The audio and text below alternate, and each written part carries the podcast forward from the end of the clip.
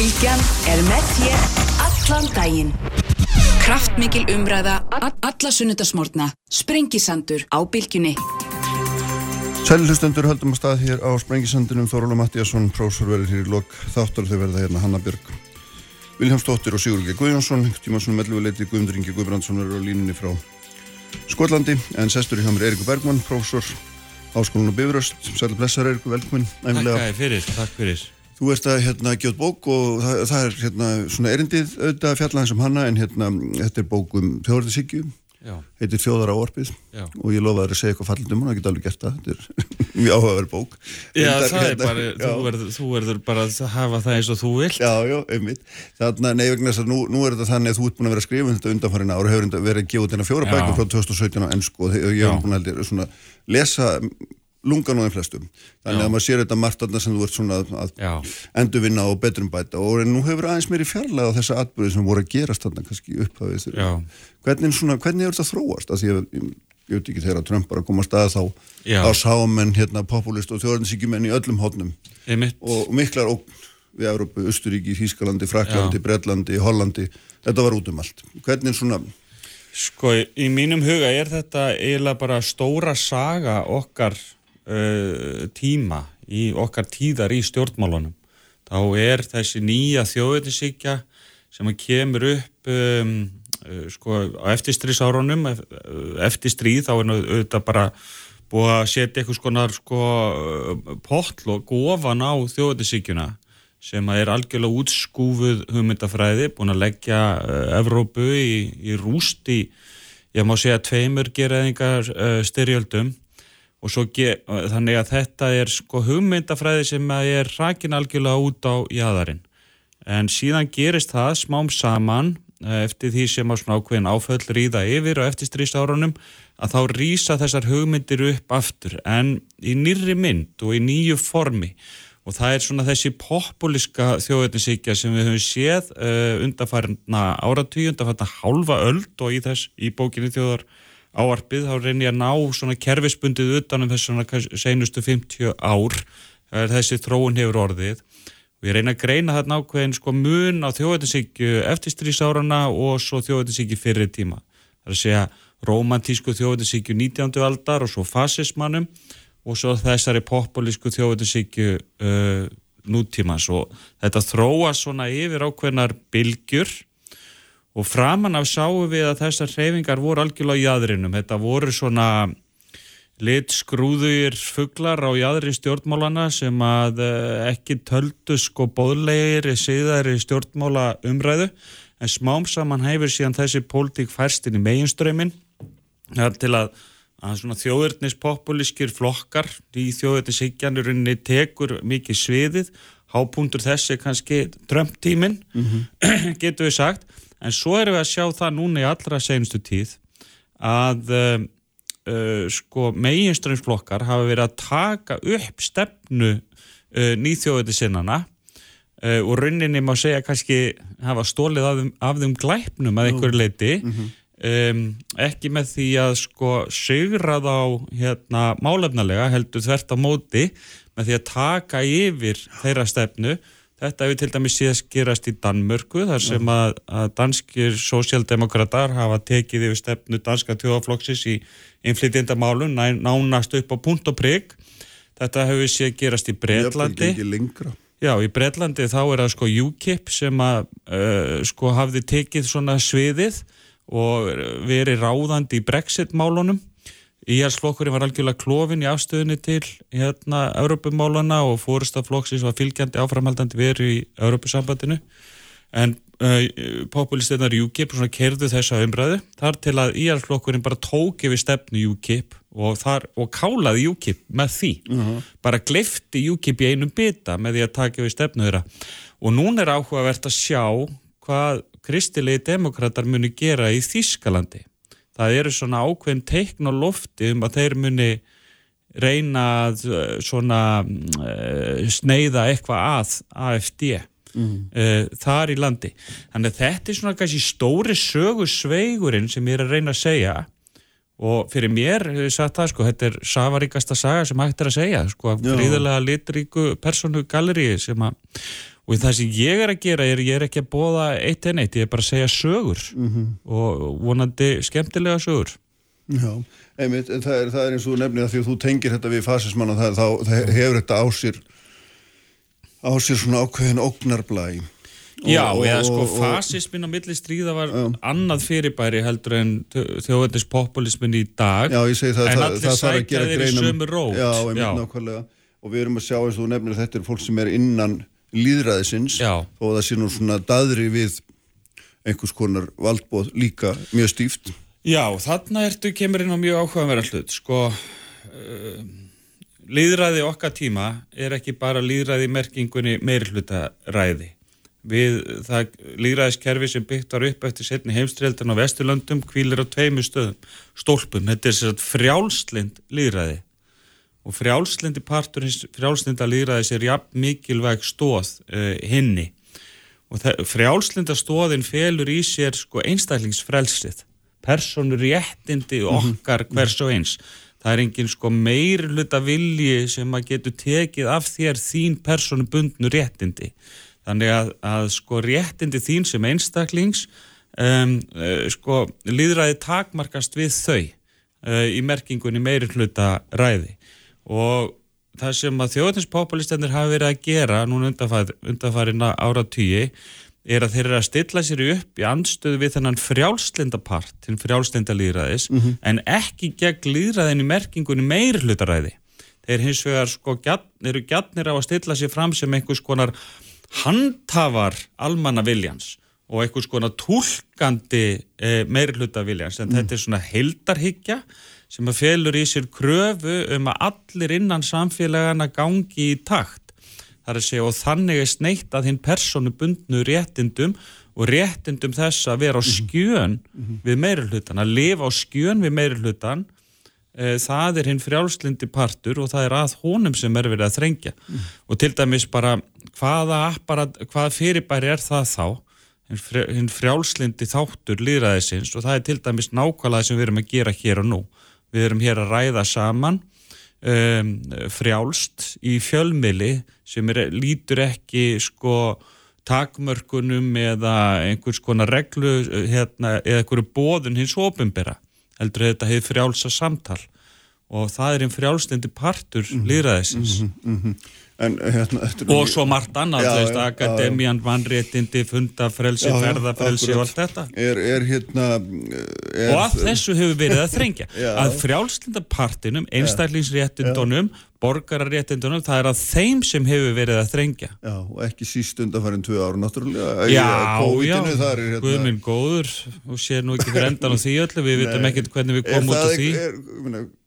Það er þær þrengingar passa nákvæmlega inn í þær lýsingar sem þú ert að ég, gefa en, en og þú ert svona þess að gefa því já, um, um það já, og kannski vegna þess að ég hef verið hérna varið sko starfsherli mínum eh, ef svo má segja ég að rannsaka það hvernig einmitt borgarlega réttindi geta horfið að þá svelgist manni auðvitað stundum á. Já Um, og kannski hef, hef ég haft svona augun á þessum þætti kannski frekar enn sumir aðrir út af, út af þessu. En hér bara tókast á gagstað sjónamið sem bæði hafa rétt á sér, það er annars uh, sem sagt um, skilda hins og byrja að, huga að uh, sko velferð og heilsu mm, mm. borgarana uh, upp að ákveðnu marki Um, og, og hún sagt, vogast þá á við réttindi fólksins til þess að búa uh, vera frjáls já, já. ferða sinna og aðtapna sinna og að þarna er einhver sko jafnvægislist sem er mjög erfitt að, að að svona finna út úr hvað er rétt og hvað er ránt í þeim efnum og það er ekki eitthvað eitt sem er sko alrétt og annað sem er alfarið allrámt í þessu, þetta er ekki þannig. Nei, þetta er miklu floknari umræða ja. en svo. Og auðvita munu við alltaf munu stjórnvöld alltaf þegar það takast á í svona mál sko gera mistök.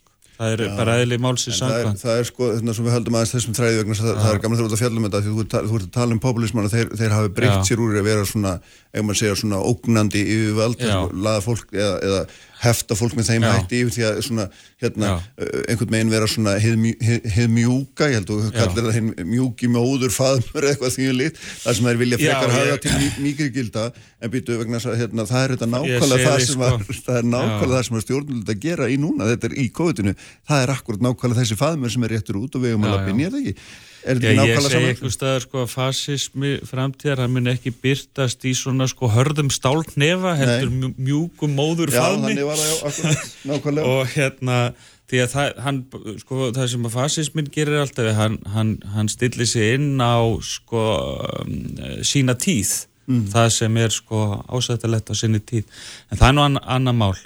En jújú, jú, það er sko uh, populistanir áttu erfitt mót framanna í þessum faraldri. Um, þeir vissu gætnan ekki hvort fótin ætti að, að stíga. Um, og framanna voru mjög margir þeirra sem að sko uh,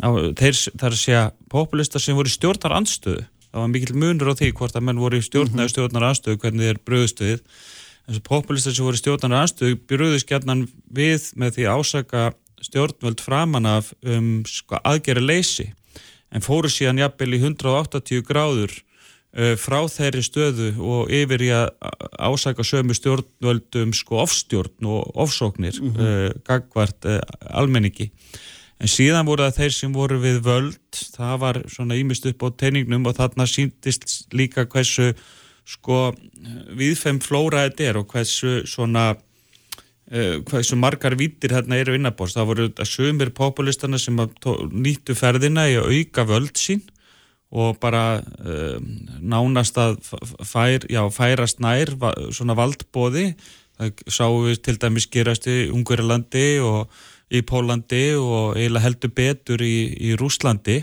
það sem svona valdbóð sinnaðir uh, þjóðnispopulistar voru við völd En svo voru það aður annars konar populistar sem ekki voru valdbóð sinnaðir, heldur meira svona um, áskorenda fígurur eins og Donald Trump uh, í, í bandaríkjónum og, og Jair Bolsonaro í Brasilíu sem að líkur bara, uh, sem, það sem að populismin sko síni sig sem ekki endilega mjög heilstætt afli í, í, í ofinbyrju stjórnun heldur svona undirróðurs og undirgraftar afl mm -hmm. og sem að leiti til þess að þarna voru sko, stjórnvöldsil reku bara reka á reyðanum og allt fór en hérna fórgórðum. Hefur þetta ekki mikið að gera með sko... En í báðum tilvíkum, það sem er áhugaverðast í þessu, er í báðum tilvíkum það sem að þessi tveir uh, aðskildu hópar þjóðinspópulis sem virðist vera sko í mikilli mótsögt hvori við annan, það sem báðir áttu sammeilegt var að fylgja ekki sagt um,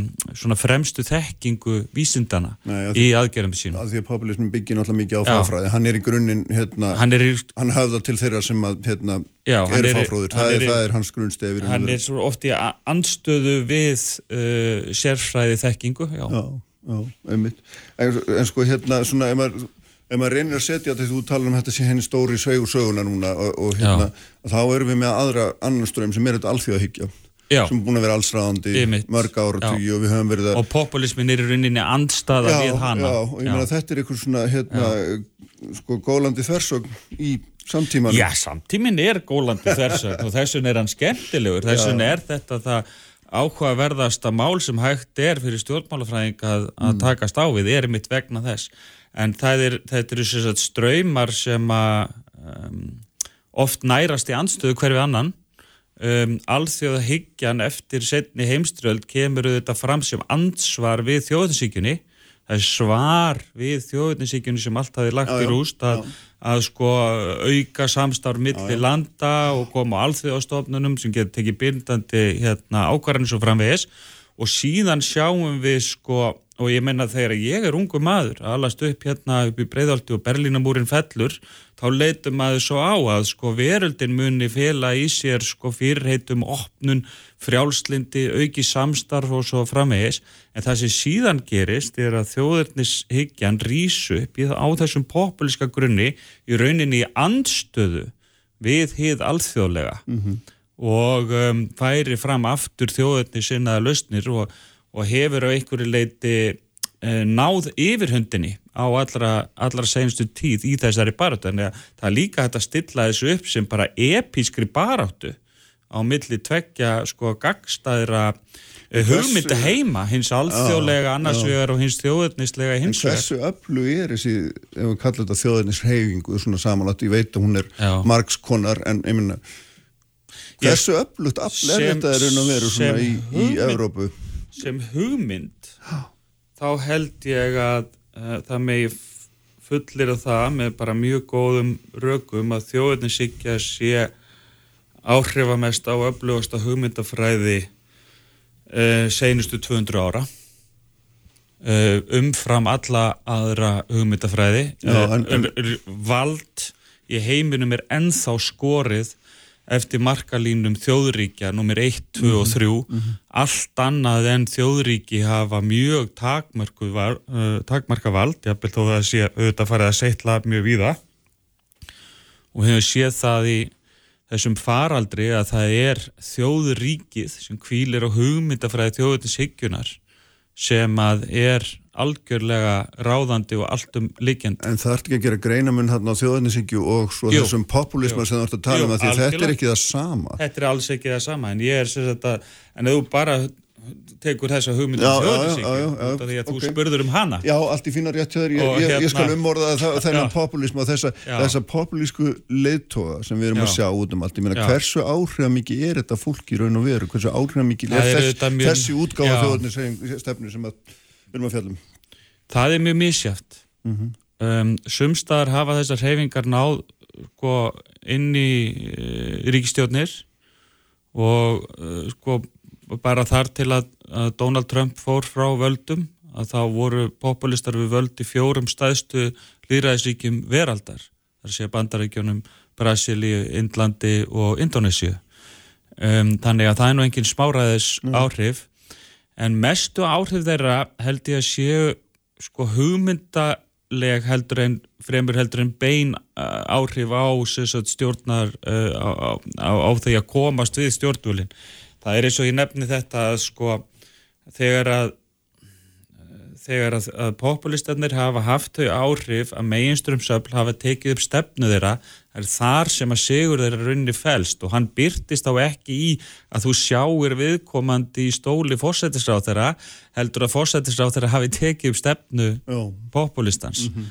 og það er það sem við erum að, að, að sjá núna þannig að ég myndi segja að áhrif þessara tegundra stjórnmála séu sko gríðaleg, þau eru feikileg og þau eru umfram það sem sést á yfirborðinu. Já, þannig að við bara aftur að þú nefndi Danmarku þá það hefði augljósa dæmi þar sem að jafnaðamannaflokkurinn eiginlega gengur lengra heldur en populistunir hafi gert með þessum humdi sínum um að hafa flottamannabúðir einhverstanir í Afríku. Og... Þannig að sko fylgist tap mm. uh, danska þjóðaflokksins er ekki til margs um sko fall hugmyndarinnar mm -hmm. sem að danski þjóðaflokkurinn færði fram eða eitthvað skonar, hann merkir ekki tap þjóðinspopulismi í Danmörku heldur því þeir öfuga, hann merkir fullnaða sigur þeirra þegar að jafnvel sko sósjaldemokrater oh. af öllum gerðum stjórnmóla taka yfir stefnu þeirra þá náttúrulega hefur sigurinn unnist uh, að einhverju geta sagt endanlega og þetta eru að sjá bara mjög víða oh og ég meina að þetta eru þetta um, eins og nefndir sko þá náttúrulega ægir öllu saman. Þetta er ekki deini ströymurinn sem nei, er í gangi. það eru aðri ströymar sem eru líka í gangi og allt sko svona rýst þetta á nýgur, þetta eru bylgjurhefingar og, og það er það sem ég er að reyna að gera í þessari bók hérna, þjóðarávarpið að reyna að, að sko greina þessa bylgjutoppa og þeir koma yfirleitt í kjölfarið einhvers konar krísum nefndi sko olíukrísuna, svo er það sko fall Berlínamúrsins, árásin á tvíburatörnana, um, fjármálakrísan 2008, flótamannakrísan og nú seinast koronaveirukrísan. Mm -hmm. Allt eru þetta risastórir atbyrðir og kaplaskiptingin í bókinni feir bara eftir þeim sem að sko færa þessa tegundir, þessa tegund hugmynda áfram en á sama tíma auðvitað byrta sko byrtist sko anstaða við þessar reyfingar og til dæmis Frakland er kannski það land sem lengst hefur svona gengið eftir þessari braud og þar sér, sjáum við sko að meginströflokkanir þeir rinja bara nánast alveg. Um, uh, sagt, þannig að þeir ná ekki einu svona taki yfir stefnu populistan og gera sínum heldur bara hrinja en svo koma þarna upp, upp í andstöðu við þessa þróun eins og Emmanuel Macron. Það má líta á hann sem sko fyrst og fremst kannski andpopulista frekar heldur en nokkuð annað. Uh -huh. að hans, að, hans reist til áhrifa um, er á í rauninu öldu þess að stilla sér upp fyrst og fremst í andstöðu við þjóðfylkinguna við fransku þjóðfylkinguna já, já, já. og það er þannig sem hann verður uh, hérna, uh, vald, uh, kemst til valdana í, í Fraklandi Stofna stjórnmálum hlokk og vik og verður forsti og, og vinnir þingkostningar og það er annað einkenni sem að þessari, þessari gerð stjórnmála fylgir er að svona um, það, það er vantröstið og allir reynslu þekkingu og svo fram í þessu leið og þannig að, að sko þetta er í rauninni einhvers konar líka í aðra röndina viðvaningsvæðing stjórnmálana ef maður má nota slíkt hugtak. Eitt, eitt áður, mér langar að spyrja það manna en eitt áður við hættum í þessu hérna, því að hérna, sko eh, sagt, and, hvað maður að segja stærsta and, uh, útspili gegn þjóðurnis stefnu er Evrópsambandi, það er augljóst hérna já, já. mál því að það er náttúrulega já. rennur allt í eitt gröð og, og hérna, allir fara saman og þá ertu að verður háður öðrum ríkjum að þú getur verið ekki herjað á þau og hans er verið hérna, skemma fyrir sjálfum það er, það er grunnhugmyndin, grunnhugmyndin. og hérna nú erum við með populist ríki í Póland inn í Európa-sambandinu sem er að hafna lögum Európa-sambandins og segja nei það gengur ekki því gangið á lán þetta er mjög hérna svona áhugaverð staði þessu samingi sem þú ætti að setja fram. Já og ekki eina ríkið sem að svo er farið um, minna Ungverðarland er nánast já, já. Á, á sama stað og það eru fleiri ríki, mér er segja sko ríki bara svo Slóvinja sko mm -hmm. sem, sem hafði alveg verið hinnum einn tekið hugmyndinum frjálslindið sko, alveg upp á sína arma en er núna komin uh, þarna yfir þannig að þetta er ofbáslega erfitt fyrir Európa-sambandi að vera uh, standa frammi fyrir því að innan þess mm. þeirra raða eru öll sem eru að heita má í fullkominni anstöðu við grunn hugmynd Európa-sambansins og það er feikilega flókið fyrir Európa-sambandi eiga við það og þetta er að gerast á sama tíma og bandalæðið hefur staðið frammi fyrir sko hverju áfallinu og fætur öðru svona ytra áfallinu í, í þjóðfölum og þau hafa ekkert gett að tekist á þetta og það má ekki segja að Európa-sambandi sé einfallega ekkert sett sko ekki hanna til þess að geta tekist á það sá engin eitthvað svona fyrir sko. Þannig að það er náttúrulega það sem að, að gera þetta um, mjög flókið sko. Já, heyrðu, hérna förum aðeins hérna heim okay. af því að hérna, við erum í þessi sérkennlega stöðu að það er hérna sittandi ríkstjórn sem að uh, svona sittur bara einhver stað að baka til og er að segja það hvað hann ætlar að gera í, í, í framtíðinu og við vitum lítið um það, það var spyrst lítið út um það og það gengur hægt og hérna og svo framvegis og svo erum við með svo erum við ástand í skosningunum þar sem við vitum ekki hvort þær eru gildar eða gildar. Hvað getur þetta gengið svona lengi? Sko í rauninni... Ég veit að formið leifir eitthvað en ég minna svona já. bara pólitískir... Ég sko, jú, við verðum nú aðeins að huga forminu og það er það að sko ríkistjóðin helt völdu. Já, já, eh, þannig að fórsættisráþra hefur ekki beðislausnar og þannig að þetta er ekki starfstjórn. Það er aldrei mikill munur á þessu ástandi sem er núna og oft áður eftir kostningar um, af þessum sögum.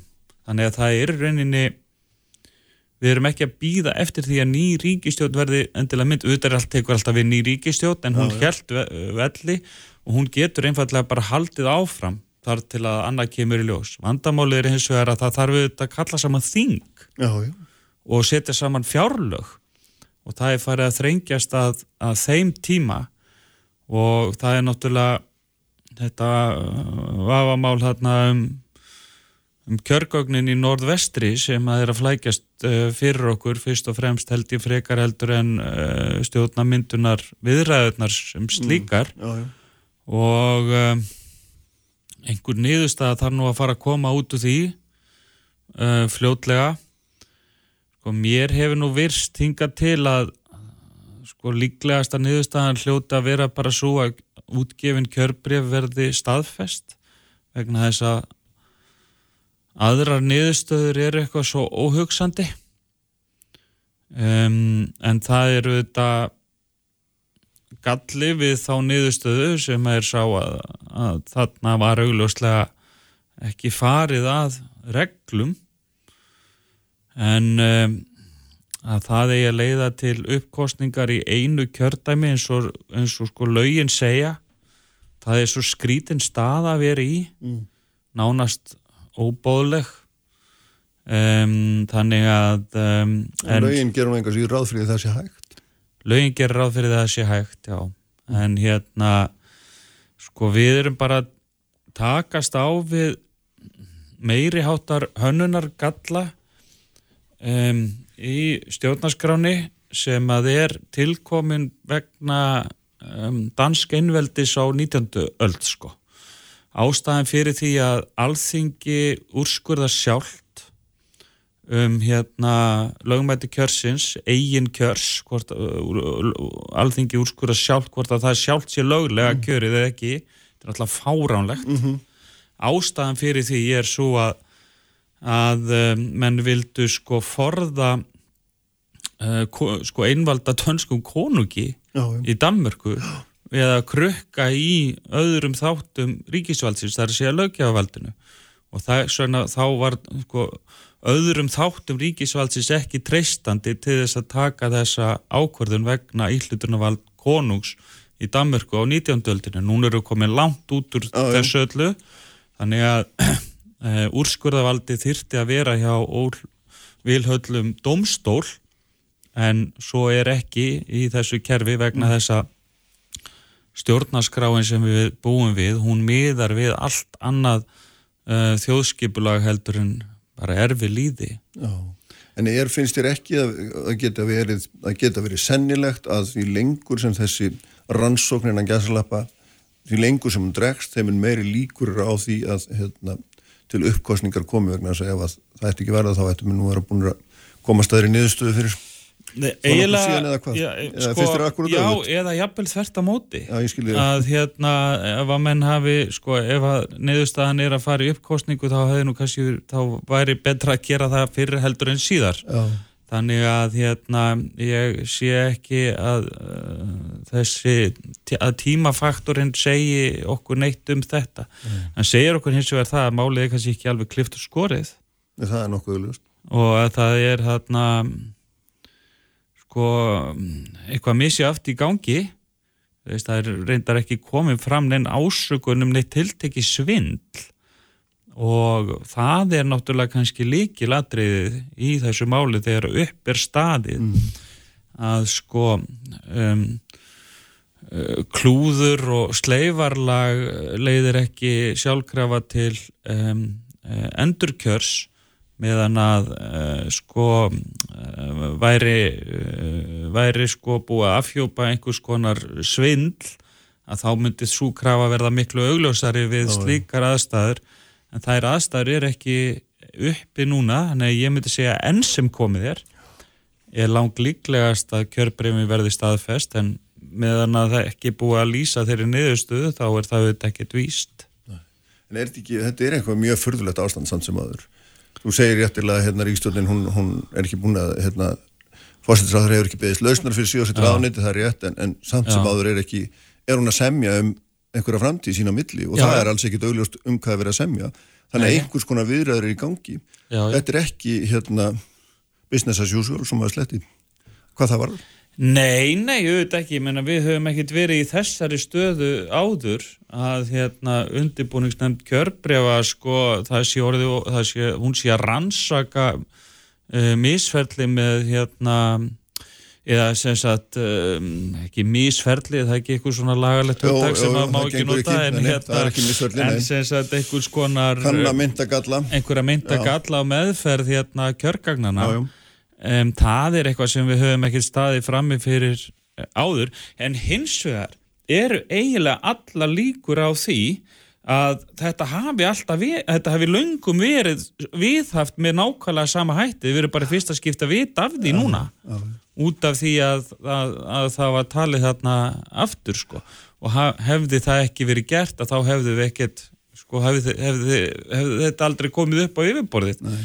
þannig að að þýlitunum má, má kannski segja að það, hefur, það er ekkert sko öðruvísi núna heldur en áður við bara vissum ekki af því þá þannig að hérna það veit ekki hvort það verður ræðin úr Nei, en uh. sko, auðvitað er þetta uh, óþægileg staða í alla staði og það þarf að, það þarf að haugva á þennan hnút og, og maður myndi eiginlega halda sko að það megi ekkert býða lengur heldur en bara klára þetta í þessari viku. Nákvæmlega. Heilum, segjum þetta bíl Eirikur, takk fyrir að koma eins og efnilega og hérna ég ætla að ringja einn Guðmund Inga Guðbrandsson uh, umhversu öðlundar á þeirra til Glasgow eftir öllum veginn. Já, það er ekki nema vonum að spyrja sko.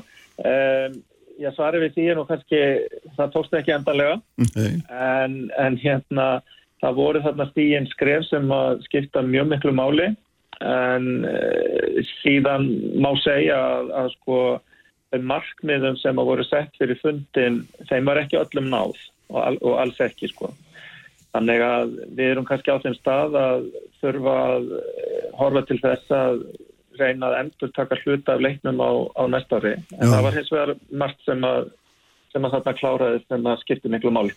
Hvernig fannst þér svona uh, andrumsloftið? Hvernig, hvernig var, var mikill hugur í fólki eða var þetta, var þetta fyrst og fremst strögg, voru þetta átök eða voru allir sammólan þetta voru smadri sem stóð út af? Hvernig svona, að þú ættir að lýsa þessu aðeins? Um, sko, mér fannst andin vera góður. Um, sko bæði fann maður það svona þegar maður heimsótti svæði þar sem að sko businessin var meira eða viðskiptalífið að ræða um lausnir.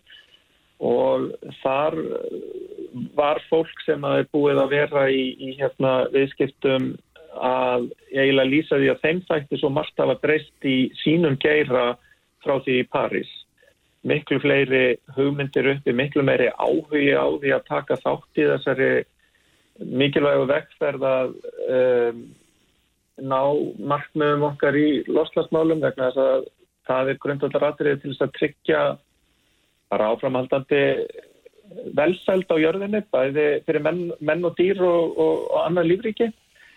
Þannig að það er mjög jákvæmt og mér fannst líka svona á sko samninga nefndunum að það var raunverulegur vilji til þess að skilja eitthvað eftir okkur eftir þennan fund.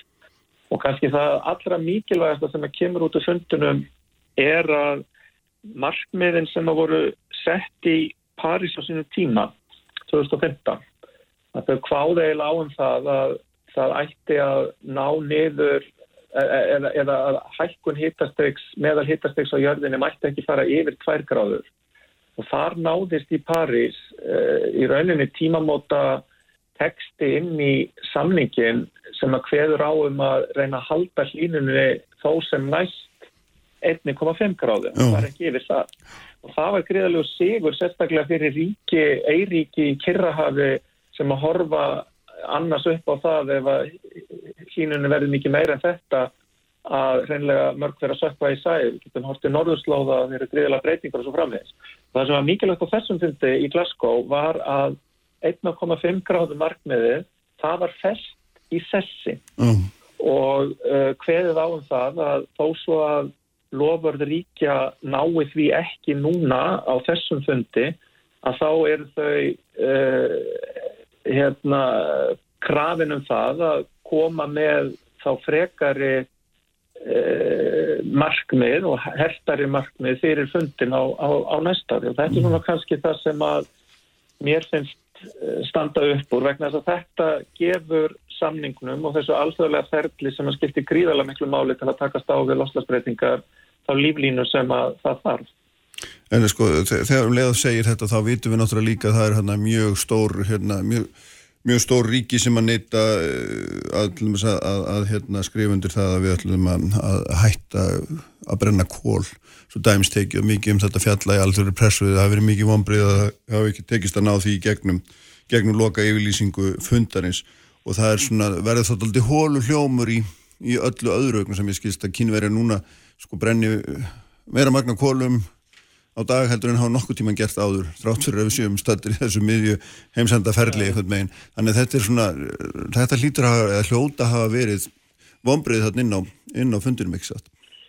Jú, sko í rauninni e, þetta virkar svolítið þannig sko að það, það, það, það koma drög að áferðum fundarins fram e, svona undir lok alltaf setni vikunar og ætli það ekki verið á mygtaða 50 sem að þau koma Já. fram og þá var inni í rauninni texti um þetta það ætti reynlega að, að fasa út eða sem sagt uh, já, hætta með, með notkun jarðarna eldsneitis og það sem ekki skiptir hérna, minnamáli að uh, hætta með niðurgreðslur að- til, til uh, út af hérna, jarðarmeldsneiti, kolum, já. þessi. Og síðan í næstu útgáfu þá var svona búið að draga svolítið úr orðalæginu og það var svo útgáfa sem að var verið að ræða í gær og allt strandaði á á tímabili. Þannig að niðurstaðan var síðan svo að draga ennfrekar úr þessu orðalægi þannig að í staðin fyrir að fasa þetta út að þá eigi að, eigi að hætta, eigi, eigi að draga úr þessu og Já, það þá svona með hægari hættu og svo framvegis. En þó svo það hafi verið hérna, gríðarlega vombriði með þetta sko með mjög, mjög margra ríkjahópa og ég menna við náttúrulega bara í hópi þeirra sem vorum mjög ónum með þetta að þá er þetta samt sem áður að koma í fyrsta skipti inn í ákveðnum samningsins að það eigi að takast á við sérstaklega kól, olíu og gas. Já, þetta er fyrst skipti orðið að beinlýnis í samningnum ekki? Já, jú, og það skiptir máli vegna þess að þá er það komið inn og þá er búið að viðurkenna það og þá er þessi ríki líka búin að viðurkenna það. En ég tek bara undir það að þetta voru að sjálfsögðu vombriði að þetta, þetta útvætnaðist. Já.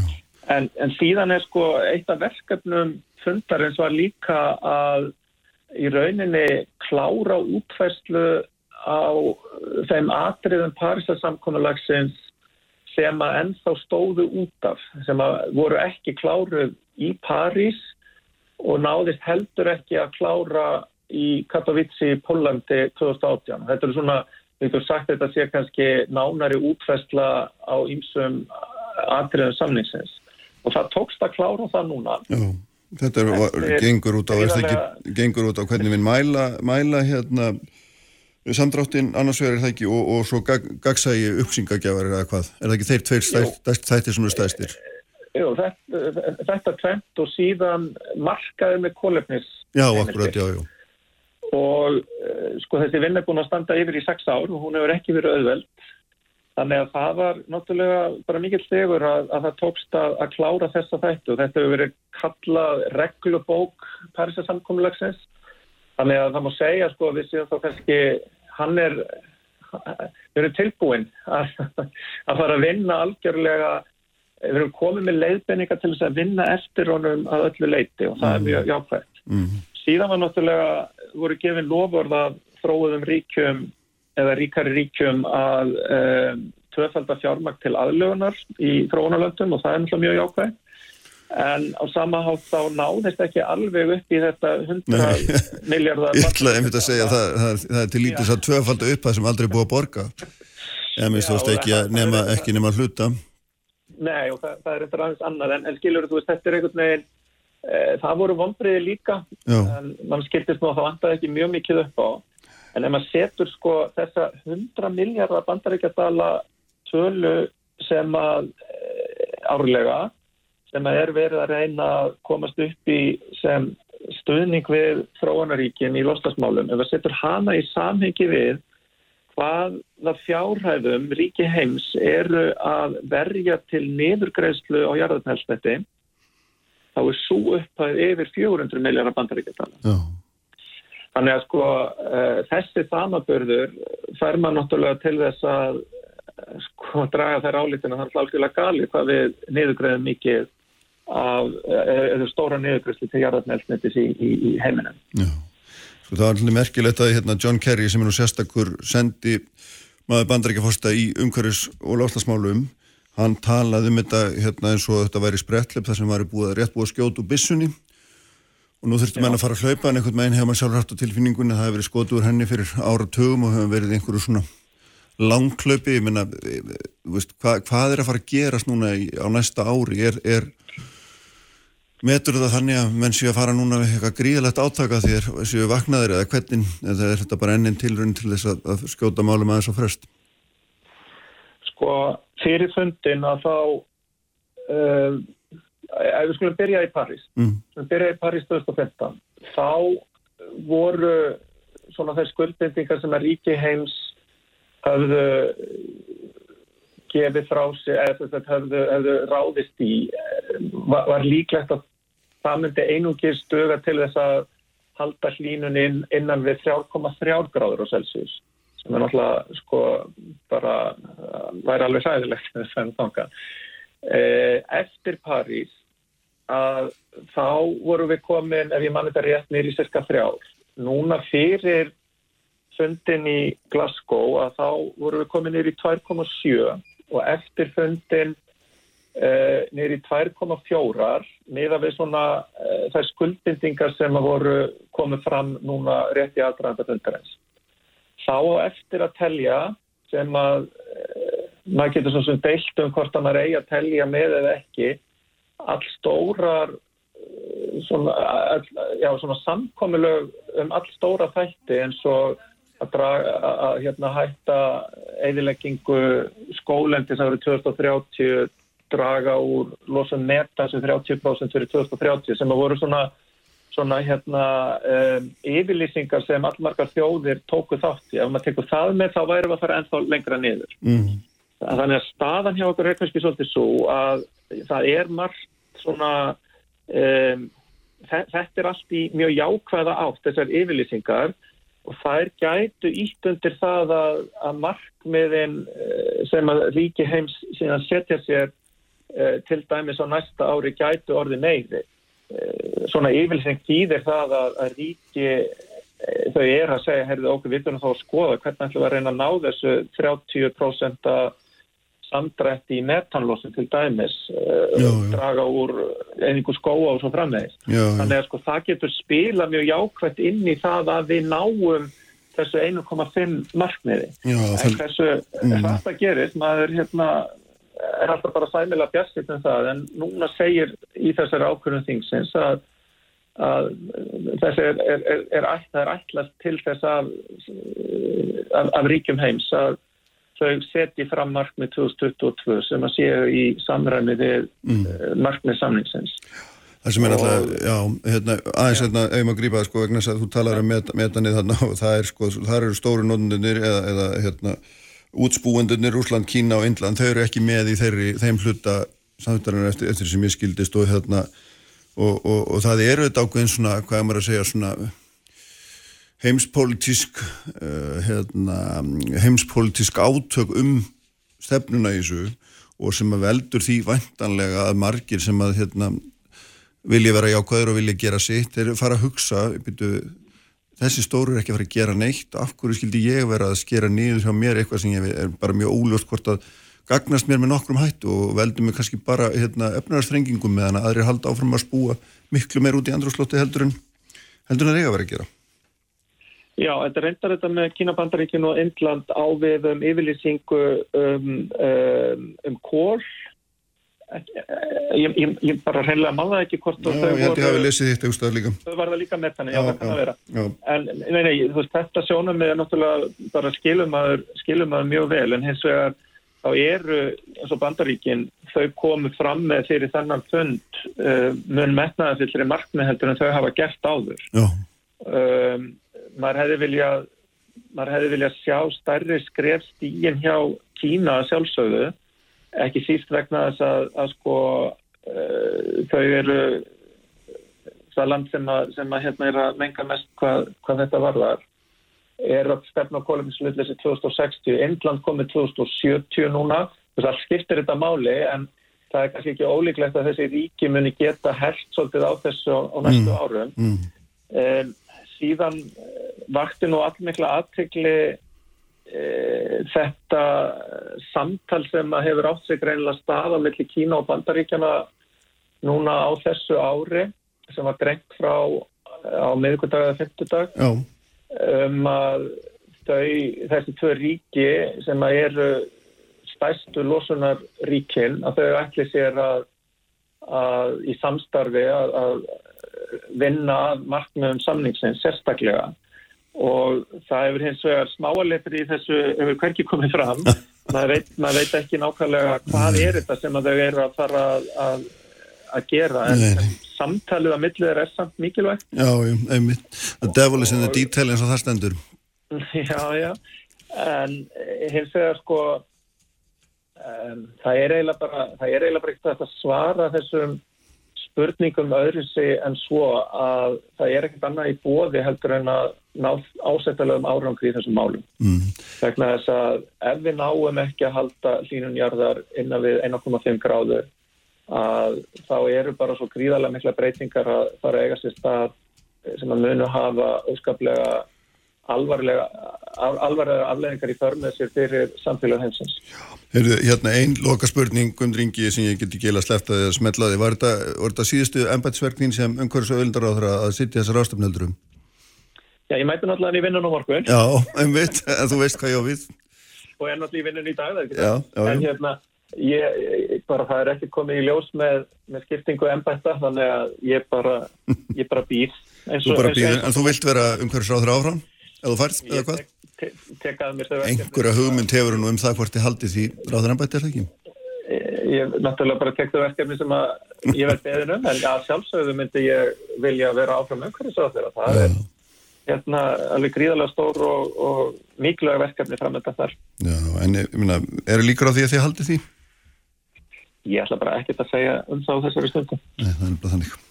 Heyrðum, það kemur í ljós kemur í ljós. Allt í fína. Bestu þakki fyrir þetta gumdringi og hérna við höldum hér áfram á sprengistandinum þau verða hjá með Sigurge Guðjónsson og Hanna Björg Viljámsdóttir það ætlum við fjalla um þessi kyn, ja, ofbeldismál, kynbundu ofbeldismál sem hafa verið í gangi og ímsa umræði kringum þau sem að hér hefur reyður húsum í, í marga vikur.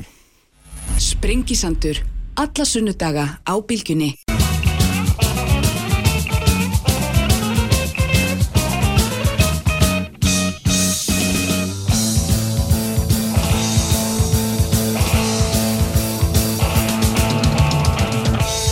Sælir afturlustundur, uh, Guðmundur Ingi Guðbrandsson, umhverjus öðlundar á þeirra farn og símanna vildur hann ekki gefa upp hvort að þetta var að sitja COP26 var eitt af hans síðust ennbætsverkum, en allir þöglinu svo gröfin þegar kemur að, að þessari myndun ríkistjórnar eða hvernig, hvaða breytinga verða á henni gerðar.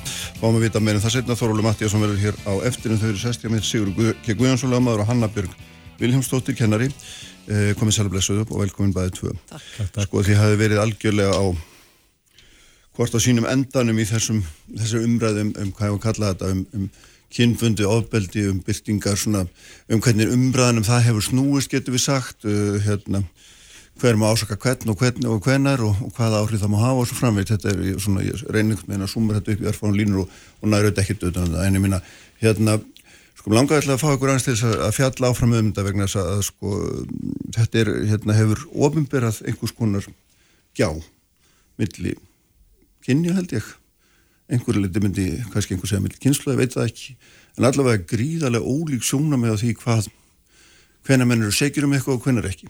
Hvort það er, hérna, hvenar, hver má tala um hvern og ásaka hann um eitthvað svo framvegs, ég veit að þetta er aldrei opið. Viltu byrja að sanna, hvað, hvað er svona, hérna, hvernig metur þetta, núna er þetta aldrei síðan að þú byrjar að fjalla um hlæsmyndin samandi og Sigur bara svona ókvæðið því og hérna fjallum aðeins um það eins og áfram í, í, í hilsinni, hvernig metur þú svona framaldið þessum? Já, þetta er Þetta er einmitt rétt sem hún segir, sko, það er afhjúpast vegna að þetta hefur auðvitað verið hérna undir niðri og partur af menningun okkar að þólendur hafa verið uh, jáðarsettir, smættaðir, gert lítið úr þeim og ofbeldi sem þeir verða fyrir.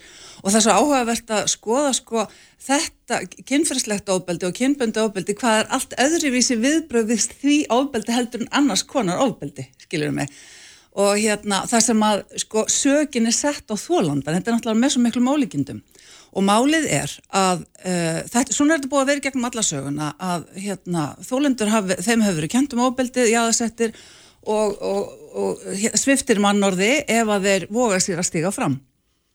Núna er óþólið orðið bara algjört og nú er komin sko vettvangur, samfélagsmiðlar eru þetta vettvangur bæði fyrir þólendur að eh, hérna snúa bökum saman og mynda samtakamátt og að láta í sér heyra og hafa hátt og krefjast réttlætis af því að gleymum því aldrei að það er verið að byggja um réttlæti og ef þú ætlar að komast yfir ofbeldi þá þarf það að fá viðkynning á því að þú hefur verið beitt ofbeldi mm -hmm. og það sé sannlega ekki þér að kenna vegna þess að samfélagið hefur látið það í veðri vaka, mm -hmm. gagvart þólandum og þeir hafa setið í þjáningu sinni og myrkrinu þanga til núna og þá kemur, koma menn eins og Sigurður og reyna að reka það aftur onni myrkrið og hólina og þjáninguna uh -huh. en Sigurður menna þetta ekki takast það mm -hmm. Sigurður, er þetta markmið því þér? Nei, nei, nei, nei, nei, nei, ég hérna er ekki að reyna að reka þólendur óbeldi svonin einu hólu eða, eða grafa yfir og ég er bara að benda á það að, að í svona síðu samfélagi eins og við búum í að þá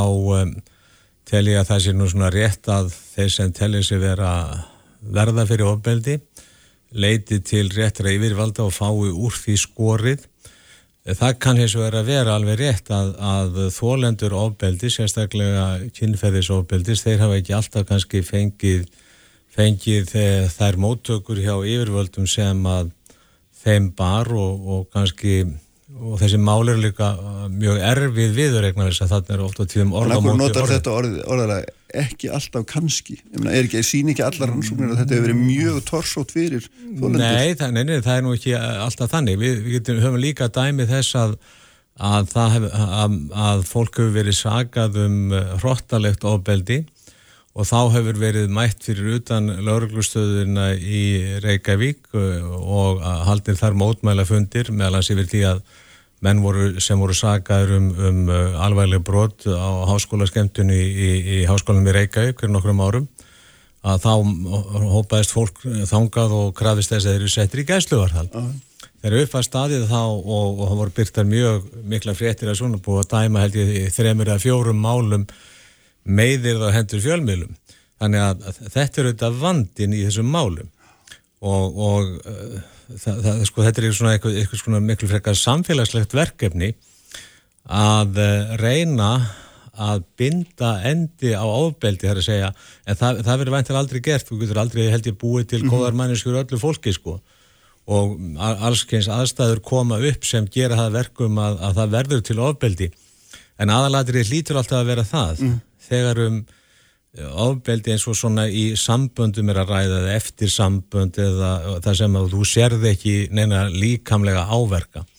Það hlýtur alltaf að vera betra að, að ríkisfaldið búið þannig um hnútana að þetta fólk geti fengið, þetta eru að bæði báðum kynjum, -huh. þetta er ekki bara konur, að það geti fengið mm. einhverja aðstóð og það sé reynda þá að leiða fólk saman og reyna að finna út úr hvað gerðist. Að því að það að vera yfirherður sem sagbortningur, þar getur þagað. Þú getur bara beigð þagnarétt og bara setja það þagað. En eh, ég horfi miklu frekar á þetta að, að leysa þessi mál kannski eins og er stundum gert og er gert í forræðist deilum hjóna þar sem að, mm. að fengnir sálfræðingar að málum til þess að leysa úr þeirri deilu hver á að fara með forræði batna Ég, sko, þetta er svo mikið fadur eitthvað í mannin nefnum ég er bara ákið til orð Nei, sko hérna hvernig já já neini minna sko Sigur stand, stendur og stóð bara fyrir herrferð gegn þólanda kynferðisofbeldis og, og hérna þannig að, að lýsa sig einhvern veginn saklausan af því það er náttúrulega bara algjörlega frálegt og já já hann er sko hann, hann er marg búin að reyna að tæta Þórhildi geðu í, í hérna og að rífa af henni mannorðið og, og guð veit hvað vísa í hérna ofinbera hérna gögn, persónleg gögn og hann er með málsókn yfir sem maðurinn hjá lögreglu og persónleg yfirveldum mm. fyrir það að hafa brotið trúna þetta er náttúrulega algjörn, maðurinn kalla sér lögmann mm -hmm. ég, ég, ég bara er orðlaus mm -hmm. en sko og svo byrtir hann lista slátraralista skilur þú veist, þetta er náttúrulega og, og sko slátraralistina hann segur þar, það, er, það, eru, það eru konur sem beita sér gegn kynfyrsóbildi ætlar hann í alveg að setja þarna og segja að hann sé ekki að beita sér gegn því að uh, þólandur kemfyrirsofbildis fái réttlæti. Mm. Hann, hann leggur sig, sko hann brítur lög til þess. Sjúrður? Ég uh, kannast ekki við að hafa ennþá brotin einn lög sko. Ég veit að herta því að það hefur verið kærður, ég veit ekki fengið eina kæru ennþá mm. og aldrei verið kallað til yfirhenslu þannig að Og, en af hverju kastaður þér inn í þetta mál og svona gríðalögum krafti, skýrðu það eins? Já, vegna þess að, að ég er búin að fylgjast uh, mjög vel með þessum samtökum með svo bleika fílnum og, og augum og aktivist uh, hérna, gegn öðguna menningu og, og búin að skoða mjög vel sko markmið, markmið er, sko þegar stofnar eitthvað svona samtök sem eru sko að berjast gegn feðraveldinu. Hvað er feðraveldi? Hvað er nöðgunamenning? Það er, það, er, sko, það er ekki vand að vera með upprópanir og, og, og kalla mig líkar og, og lögbrjót og allt það. Mm. En ég hef ekki fengið neina sko málefnulega umræðu um það sem ég hef verið að segja. Sko, við, í grunninn skulum við bara hafa það hugfast að við búum í réttaríki. Já. Oh og þá getur ekki bara búið til einhverja lista yfir menn og það er að kvistla að þessi er svona og svona og þá, þá að taka fólk af lífi. Án dóms og laga. En byrju, þess að ef, ef einhver er beittur ofbeldi, kalliða kona og, og hérna, getur ekki kerta af einhverjum ástæðum, án þá bara eða hann bara þeia Nei, byrju, áhverju getur ekki kerta Nei, meina, þú, það er ekkert alltaf hægt að fá eitthvað út úr því. Það er alltaf hægt að kæra. Já, gegn indreinu neitunum verður nú sjálfnast mikið úr því ef þú hefur engin vittni og engin málsatvík og neitt slíkt. Það er bara þannig með svo mörg önnur brota já, já, já, ef ekki tekst að sanna sektina. Nei, nei, ég skil það alveg, en, en, en það sem ég er að segja, má maður þá ekki tala um það? Það er það sem þú ert að segja. Þú mátt að örgla alveg tala um það, en þú mátt ekki kannski búa til sögur um, um, um fólk eins og var bara ákveð.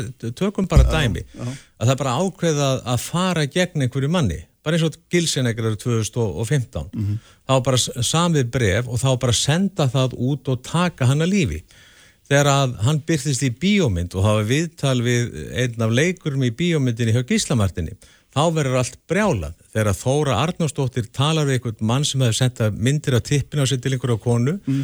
að, að, að þá má ekki tala mm. við hann Þannig að þetta eru þessir öfgar sem er í þessar umræðu. Það er aldrei hægt að eiga neina málefnilega umræðu mm -hmm. og það má aldrei horfa á grunnreglunar. Aha, ok. Hanna, já. Já, ég fyrir ekki að þið segur, ég bara get ekki annað að hleyða þér.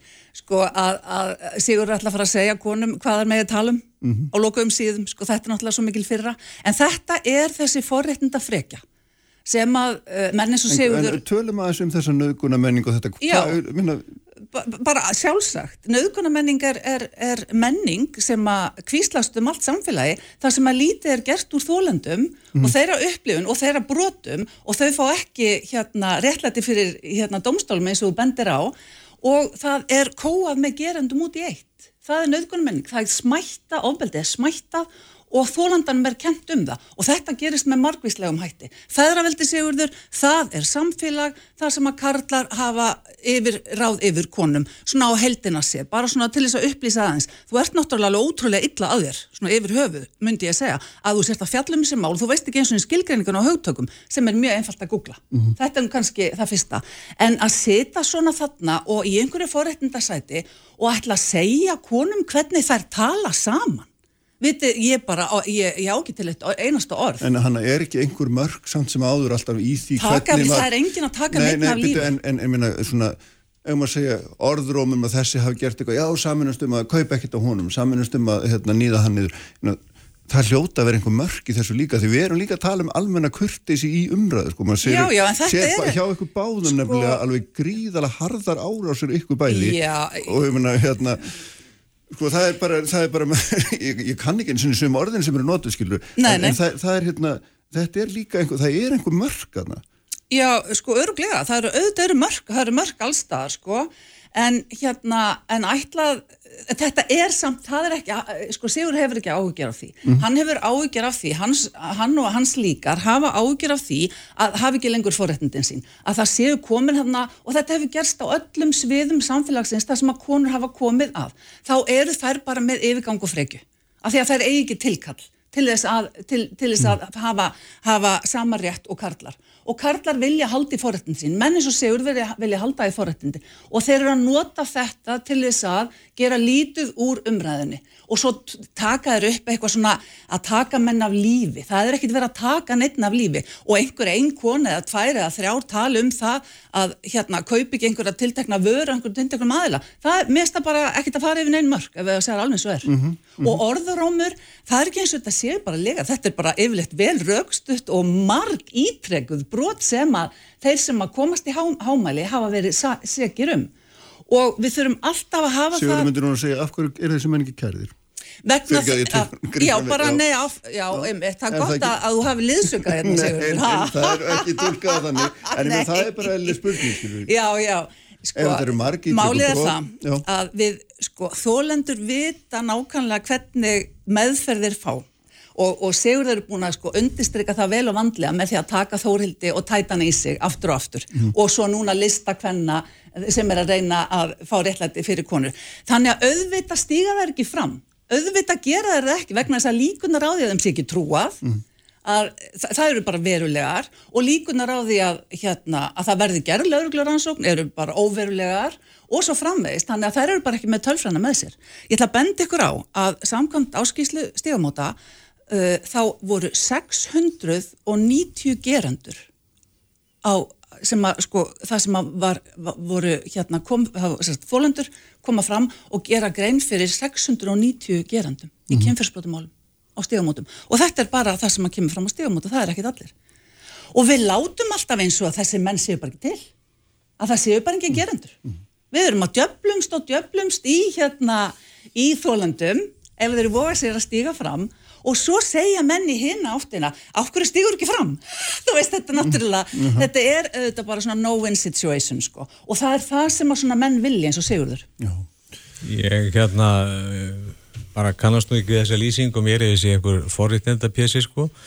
Ég hef uh, gætt uh, hagsmunna fjölda kvenna við margvíslegar aðstæður og ég hef alltaf reynd að fara lögum í þeim efnum og, og hérna, ég hef líka gætt uh, hagsmunum kallmanna í baráttu við konur þar sem að konur hafa beitt á andlegu ofbeldi til dæmis neitað að feðra börnin sín réttilega og sem enda nú með því að að lög, barnalögum var breytt þannig að feður gátt mm. alltaf farið í fadertinsmál sem að þar verðum við að glíma við sko tvo kvennmenn, bæði dómara og lögmann kvennvins. Uh, þannig að þú stillir þessu bara upp svona sem kynja bara út, menn er það ekki Já, ég, ég, sko auðvitað er hluti af þessu. Þú búin að gera dómaran hlutræðan bara því að það er konan ekki kapp Ég er bara að segja það sko að, að, að, að það beita bæði kynin ofbeldi.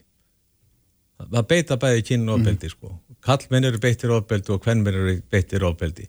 Við vitum það alveg ég er ekki að gera lítið úr því að, að ég gískan á hlutföldin sé nú ekki svipuð í því Nei, er, sko. við, við, það vitum við líka mm -hmm. að það eru fleiri konur beittar ofbeldi af, af einhverjum ástæðum og kannski vegna þess að, að kallvæðin hefur, hefur, hefur haft yfir, yfir höndina og ofbeldi kallmannsins gegn konu getur verið margvíslegt það í hjónabandi þekkum við það að fólk getur verið eh, svelt fjárhagslega og að andlega verið veri farið íla með þetta þekkjum við allt saman og það er alltaf verið að reyna að taka á þessu ég er ekki að, að berjast gegn því að, að konur segi frá og segi frá að þessu beittar ofbeldi og leiti réttar síns að, að því leiti ég hef ekki ráðist að Þórhildi giðu með neinum hætti. Að öru leitin því að bent á hún var ekki að segja satt og rétt frá þeim lýsingum sem að hún hafi sjálfgefið hjá lauruglu mm -hmm. og, og sko það, það er bara, sko sannleikunum þarf alltaf að vera til staða sko það er ekki að, að, að segja eitt hjá lauruglu mm -hmm. og koma svo fram í fjölumölum og segja annað sko, það, það annarkort er rétt sko og það sem hún segir hjá lauruglu ertu búin að lofa að sé satt og rétt sko. Að að þannig er nú hlutinir þannig að ég sko það pyrrar mig ekkert þó að þó að öfgar og bleiki fýllin og, og öll þessi samtök kalli mig eitthvað sko e, geranda meðvirkan mann sko. Ég, það bara pyrra mig ekki, ég er bara alltaf að hugsa um það að ég býr rétt að ríki, ég er búin að starfmitt síðastlegin 40 ára er að vera löffræðingur, ég er ekki forréttinda BSI að teka mér mál fyrir bæði kínin og öll kín og gæti hagsmunum minna skjólstæðinga að fremsta megni, þannig að eina sem ég geri. En ég er ekki, hérna, þú segir þetta, ég minna, það, það er náttúrulega samt sem aður, það hallar svo augljóslega á þólendur í þessu málaflokki að það er, það er, minna, það er bara staðrindmál og við höfum hundruður höfum hundruður af frásögnum um þetta gegnum það. tíðina, já, og, og, og sem, sem hérna, leiður því sem hann hefur að segja, þess að það er erfitt að fara út og hérna fara í mál og, og Það er líka hérna til... Og það, það, við erum líka, þú ert líka að tala alltaf um, sko, við erum alltaf að tala um dómskerfisekt og síknu ekki satt og það er sönnun og eitthvað svona, en, en sögum þess að mála er bara ekki þess eðli. Sko, það er líka hvernig hann afvega leiður umræðan. Hann tekur bara einhvern veginn, sko. Leð mér að þess að klára, sko. Já, bara stutlega, já, já. bara vegna þess að, að það eru til hér eh, afskaplega hljóðlátar konur sem að hafa unnið mjög gott verk við að reyna að, að bæta hlut þólenda í kynferðisbrótum það eru til lögumenn sem hafa unnið mjög gott starfa, þær er ekkert alltaf rópandi úti á, á torgum og það, það er þetta, þú voru að beina því auðvitað að, að, að ríkisvaldina segja, herðu býtu, hvernig getið þið bætt úr rannsókn þessari máli. Ég gerir mér alveg grein fyrir því og ég hef verið viðstatur þar sem að kona er að, er að kæra, kæra uh, ofbeldisbrót og á mótinni setja þrýr lauröflufjónar mm. og, og svo er lögumærin að kalla maður líka.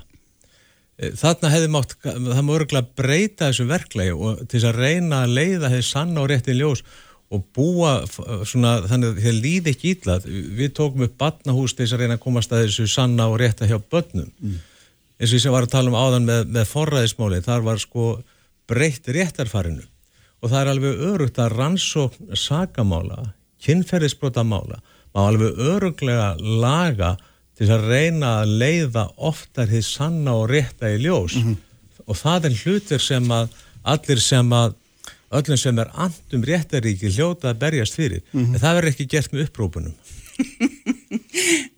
við, eigum, við eigum að vera hlýðinar við eigum ekki að hafa hátt, það er, það eru mhm. fyrirmælum frá sigurði, heyrðu, sko hérna þetta er, uh, þetta er sko þetta er svo æfa gömul taktik sem menn nota til þess að þeir segja sko, þeir byrja því að, að grafa undan með því að segja að konur nú líka ofbeldi og, og menn eru þólendur og svo segja þeir, tala þeir svona fallega um að auðvitað þarf að laga hlutin og auðvitað þarf að gera, auðvitað þarf að gera hitt og hérna láta eins og einhverju saglýsingar sko, þú veist, þetta er náttúrulega bara er, maðurinn dæmi sér sjálfur, hann skrif dæma sér þetta sjálfur, fólk, þetta þekkir fólk, en og við kenna ekki einu svona sína eigin forréttindi, það er náttúrulega með algjörum ólíkjendum, Sigurður, að þú fattir ekki forréttindastöðuna sem vart í, eh, sem að þá leiðir af sér að þú ert auðvitað bara út að aga einhvern veginn í þessum málum, en, en það er verið að gera umræðinu ólegg með, uh, með því hvernig Sigurður hefur haft sig frammi þá er verið að gera umræðinu óleik.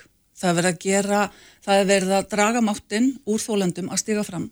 Það er bara þannig að þegar að þólendur sjá eina manneski, hugrakka manneski sem að stigur mm -hmm. fram, er, hún er, auðvitað er Sigurður búin að tæta nýsi, þetta, þetta finnst nú bara með einföldu googli mm -hmm. og, hérna, og alla, allar þær sem hafa stuttana í þeirri barötu. Þannig að hérna, en hann getur setið þarna Pállur Ólegur og, og, og sko sagt að þurfa að laga eitthvað en, en hann er að gera óleg, hann er ekkit að, hann er ekkit að, hans gjörðir eru ekki að laga neitt, heldur mm -hmm. þörst á móti. Mm -hmm. Þetta snýst náttúrulega líka svolítið um sko það sem er eitt einkennum þessara síðustu ára þessara MeToo-bylgju, getur við sagt, er að, er að við ætlum að hérna, aðeins að snúa við blæðinu og hvernig við tólkum upplifum fólks af atbyrðum. Það sem að hérna, einmitt fyrir dómi, dómi það sem er erfitt að sagfælla menn án, hérna gegn bara einn dreini neitun, að þá eru menn farnir í auknum mæli að hlusta á upplifun og, og, og hérna, og svona reyna að fara inn í aðeins sálarlífið, hérna, horfa á áfalla röskun eða hvað þetta heitir áfallastreitu röskun og hérna margt annað. Og við erum ekkert meina að gefa þólendunum rödd með því að, hérna, að leifa þeim að segja frá og, og afgreða það ekki fyrirfram sem rángindi nema við höfum einhverja konkrétt sannun. Þetta er eitt af því sem er að breytast ekki satt? Jú, jú, og, og hefna, þetta er eitthvað sem er hérna, réttakerfi næri ekki vel utanum sig og við þurfum þetta eitthvað megin að hlýða þessari rödd líka Já, ég, ég, sko, ef ég skil dónsmálar á þeirra rétt og, og sem hefur nú líst yfir sérstökum stuðningi sko og fengi bátt fyrir að, að, að hérna hún tók þátt í einhverju auglisingu ég trúið eitthvað svoleiði sko. Uh, og hérna en hún hefur lísti yfir að, að það þurfi að bæta vinslu á, á þessum málum og, og það er auðvitað þannig að í stöku löndum í Evrópu þá hafa verið settir á laggirna sérstakir domstólar til þess að fjalla um, um, um, um þessa tegund ofbeldismála þó ég sé kannski ekki almennt lindur því að það séu settir að stafn sér domstólar fyrir einstakka málaflokka þá getur það vel verið uh, rétt vegna þess að að þessi máli eru mjög erfið viðregnar og, og það, það, það getur verið að, að, að uh, það sé hægt að leiða fram með meiri tækni, það er að segja heldur en lögfræðingur býr yfir, heldur en lögrugþjóð býr yfir, það getur vel verið að sálfræðingur geti leittið leitt meiri líkur að því hvað er satt og hvað er rétt heldur en, heldur en lögmaður og, og, og, og lögregla. Og það er það sem ég er að tala um að, að, að, og það getur líka vel verið það, það að komið fram hugmyndur og það um einhvers konar sátta miðlanir, ég sá einhvern sálfræðing vera, vera að tala um það og Þannig ég held sko að umræða um ofbeldi er alltaf þörf og góð. En ég held hins vegar að svona polariseru umræða það sem að er um, á að lifa því að segja sögur annarkvort að nafngrendum mönnum uh, án þess að það sé nokkuð annað en sagan eða kvistla um menn uh, í samfélaginu útilokað frá því að koma fram í sjónvarpi, útvarpi, bíómyndum og þeir eru aldrei, sko, þeir eru aldrei segir. Nei, það er ekki eins og síkna þá. Sko. Tökum bara dæmi eins og Jimmy Savile í Breitlandi, skilur, ég já. það gerðist með því að sögur voru sagðar. Þanga til að á endanum það fór líka hérna. fram, það líka fór fram rannsó. Já, á endanum, já, já, en sögurnar náttúrulega urðu til þess ekki sagt. Jú, jú, og, og ef það eru aldrei sagðar. Það er alltaf að segja sögurnar en sko Nei, betur, þú ert að segja að það gangi ekki gegn afgröndum það er alltaf að segja sögurnar sko og láta svo fara það fram rannsókn það er ekki bara nóg að segja sögu og búa til sögu en, en, en sko eins og, eins og, eins og þú sér bara sko nú á að taka þennan á lífi það er bara sko, það, það er samið bref mm -hmm. Það var samið bref af hálfu bleika fílsins þegar, þegar hérna gilsinnegar átt að koma fram í Vestmannu það var samið bref og það var ákveðið nú bara dreifin við því að það má bara ekki vita hverju höfundi brefsins sko. Og þá voru engar sakir á þennan mann í gangi. Og, og sama núna þegar, þegar hann leikur í bíómynd og mm -hmm. þá er búið að síkna en þá á enga síður hann má ekki halda lífið sínu þó að sé síknaður það, það, það er þessi umræði sem ég er að gaggrina uh -huh. Þórhildur Gíða sem er alltaf verið að nefna hérna mm -hmm. byttu hún samdi í sínu máli um greiðslur og það var beðum trúnað af hálfu hennar fjölskyldu um þetta mál Svo þeirra formar... Um, um málslykturnar, um ekki, ekki um málið í heilsinni, því það var nú sendt á 7 eða 8 netfengja KSI, það var nú engin trúnaður yfir því. Ég veit ekki, hva, ég veit ekki hverju fengja hjá KSI. Nei, það er bara komið fram ofnbeglega. Ok, þá, ef það er komið fram ofnbeglega, það er verið sendt á 7-8 netfeng, allavega sko það er beðum trúnað. Um málslykturnar, já. Já. já. Og já, já. svo, svo þegar sá trúnaður ekki rofinn, að þá er hérna, það kallað þöggun. Nei, býta aðeins, nú, nú er staðins að fara rangt með vegna þess að, að, jú, vegna þess að það var, það var rangt hjá Guðna að segja að það hefði ekkit mál komið til kasta KSI, það var það sem var verið að gaggrina, því máli hafði sannarlega komið ánga ekki satt. Ég, ég bara veit það ekki, ég hef ekki aðganga, hef ekki aðganga postum KSI. Nei, nei, það er nú búið að byrsta allar fund að gera KSI. Já, ég hef ekki lesið það sko. Nei, nei, akkurat, en það var nú samt þannig sko, það var það sem var verið að gagna. Já, það kemur í ljós þegar að skýrsla Kjartans Bjarnar Björgvið svona líka fyrir. Já, já, akkurat. Já, Hvert, þetta er, þetta, já. Það, hérna, sko, hérna Við erum bæðið skynsama manneskjur, ég ætla að lega mér að segja það og, myna, mm -hmm. og, og, og samt sem að ég myna það er einhver, það er einhver gríðarleg gjá í alveg umræðum um þessi mál á Íslandi ögnablikinu sem er bara líka mjög hatrum og mjög Já, erfið. hún er það. Og hérna og Sigur eru sannlega ekki að leggja loða vólaskálunar að gera hana betri, það er alveg ljóst. En hérna ég held, ég hef alltaf sagt og segi enn að við þurfum náttúrulega að uh, skólakerfi þarf að vera hluti af lausnin og við þurfum að ræða þetta af yfirvegun og fallega hérna og það hafi verið gerðir góðir þættir og ég tók nú þátt í eh, einum slíkum hérna hjá sín þar sem að var verið að fjalla um þessar hluti á yfirvegaðan hátt og var bara verið að skilgjörna vandan og, og mm -hmm. ræða þetta út frá hennum ymsi hliðin þannig að margi fjölmjölar hafa staðið sér vel í því að, hérna, að, haf, að gera umræðina fallega og málefnalega mm -hmm. og mhm. þannig að hún sé til gags Þannig að, hérna, en í, það eru þetta eina leiðin, sko. Mm -hmm. Það er að, að, að reyna að afhjúpa svona menn eins og segur sem að er greinilega, þykist vera hluti af lausnin en er hluti af vandanum, sko. Svo, það er agalegt. Það er að menn, hérna, leika svona skjöldum. Er þetta að hafna þeim málfylgningi algjörlega, hérna, réttar ekki skipti máli? Auðvitað skiptir réttar ekki máli almáttugur. En það er það En það virkar bara ekki fyrir mm. þólendur og þetta vitum við eins og við búum að koma mm. fram hérna í þættinum. Þannig að hvar er þá réttaríkið fyrir þólendur? Mm -hmm. Hvar er það búið að vera allar götur? Hvar er réttaríkið og mannréttindin búin að vera fyrir konur og önnur kyn? Skilur við mig. Þannig að réttaríki virkar bara rosalega vel fyrir forréttindamenn eins og sigur en það gerir það bara ekki fyrir okkur hinn, mm -hmm. mörg hver.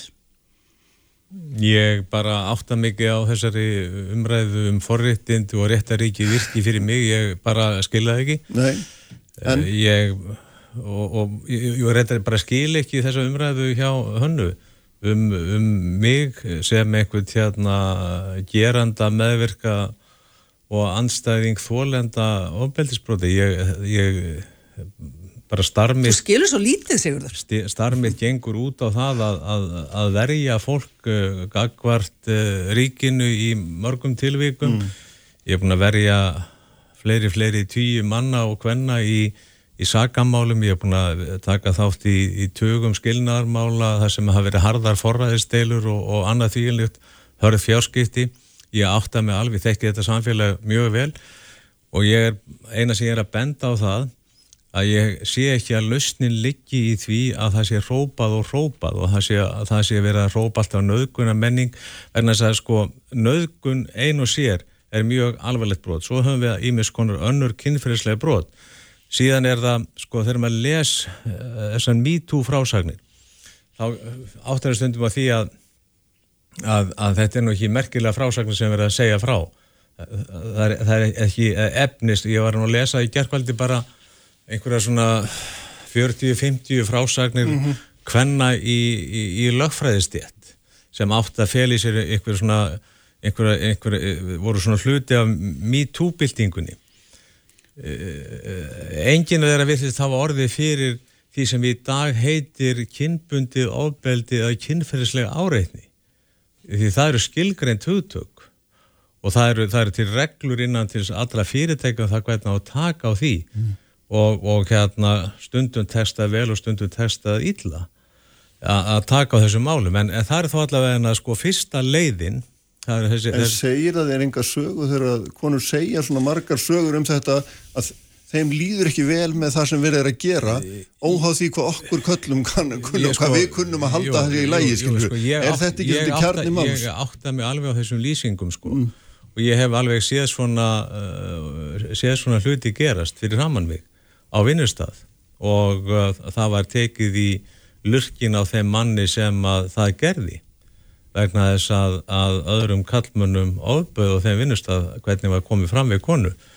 Þannig að, að það, það e, svona bara sæmilega e, góð hjarta fólk það, læt, það tekur alltaf e, grýpur inni mm -hmm. þegar að þegar að ofbeldið ofbeldið er beitt, þú reynir alltaf að koma í vekk fyrir ofbeldið og er sæmilega innrættur. Mm -hmm það er nú, það, það er, það er nú þannig sko. En auðvitað vitum við allt um það þarf ekki að fara mörg ára eftir í tíman hvernig, hvernig, hvernig talað var um konur. Og það hefur breyst og bara yngri kynsluður það er tala allt öðru sér sín á milli heldur en var gert uh, í minni kynsluð það er bara al, alveg klárt ég er náttúrulega 70 ára gammal sko þannig að, að ég er ekki sko neitt unglap og, og, og ég er búin að upplifa ymislegt og, og ganga í gegnum og unnið á mörgum stöðum. Ég þekki alveg hvernig kúltúrin var á einsum vinnustöðum fyrir gamla daga.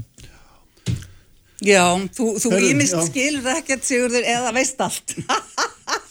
hérna, en sko, mér er svolítið skrítið bara eitt að lókum. Já, ég, hérna, klara, já, já, að sko Sigurður segir að með ekki tala hátt og hafa hátt og hrópa og kalla, en svo, svo má hann hérna kalla, búa til slátrarlista og kalla mig slátra, ofnbelja. Mhm. Mm Ég, ég veit ekki, ég áttum ekki alveg á því hvernig maðurinn flokkar sko, hérna, hróp og kall. Mm, ég var nú bara að tók þarna saman bara nöfna hvenna sem höfðu mjög hátt í, í samfélaginu og, og uh, töldu sér það helst, uh, töldu sér geta sett fram sögur um menn án þess að, að hafa fyrir því uh, nokkra, nokkra sannanir og, og, Við þurfum ekki sannanir fyrir öllu sem við segjum. Þetta eru sögur sem þar sjálfar hafa upplifað eða einhvers sem það er þekkja. Ákvaði að, að sko að refsa mönnunum líka það er að segja það er ekki, mm -hmm. það er ekki þeirra verkaring sko. það er ekki það er einhvers stað mörg á því sem er mátt og, og sko, eins og ég hef stundu sagt, það er mörg á Já, það eru mörg á því sem er mátt Sigurður og það eru hérna til dæmis aðdráttanir um refsiverða hátt sem eru refsiverðar mm. þú hefur tjáningafrelsi, þú mátt varpaðir inn í umræðu um,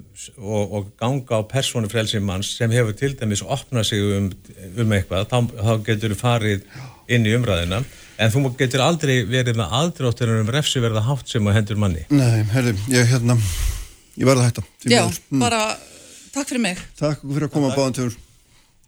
Þóruldur Mattíasson hefur hérna eftir egna blik. Sprengisandur, alla sunnudaga á bylgjunni. Frettir, fróðlegur og frábær tónlist. Bylgjan. Eitrun Sprengisandur á bylgjunni Særi hlustendur, þau eru farin frá mér Hannabjörg Vilhelmsdóttir og Sigur G. Guðjónsson eftir fjörlegar umræður um þessa eftir fjörlegar umræður um umræður getur við sagt um þetta kynbundna ofbeldi og, og allt það hérna alltaf það deilu sem orðið hafa í því samhengi núna á undaförnum vikum og svo sem lengra aftur ef út í það farið. Já, ég ætla að skipta alveg um gýr. Þorólu Mattíasson er komin til mín, hagfræðingur, prófessor við Háskóla Íslands. Sælblessaður, velkomin.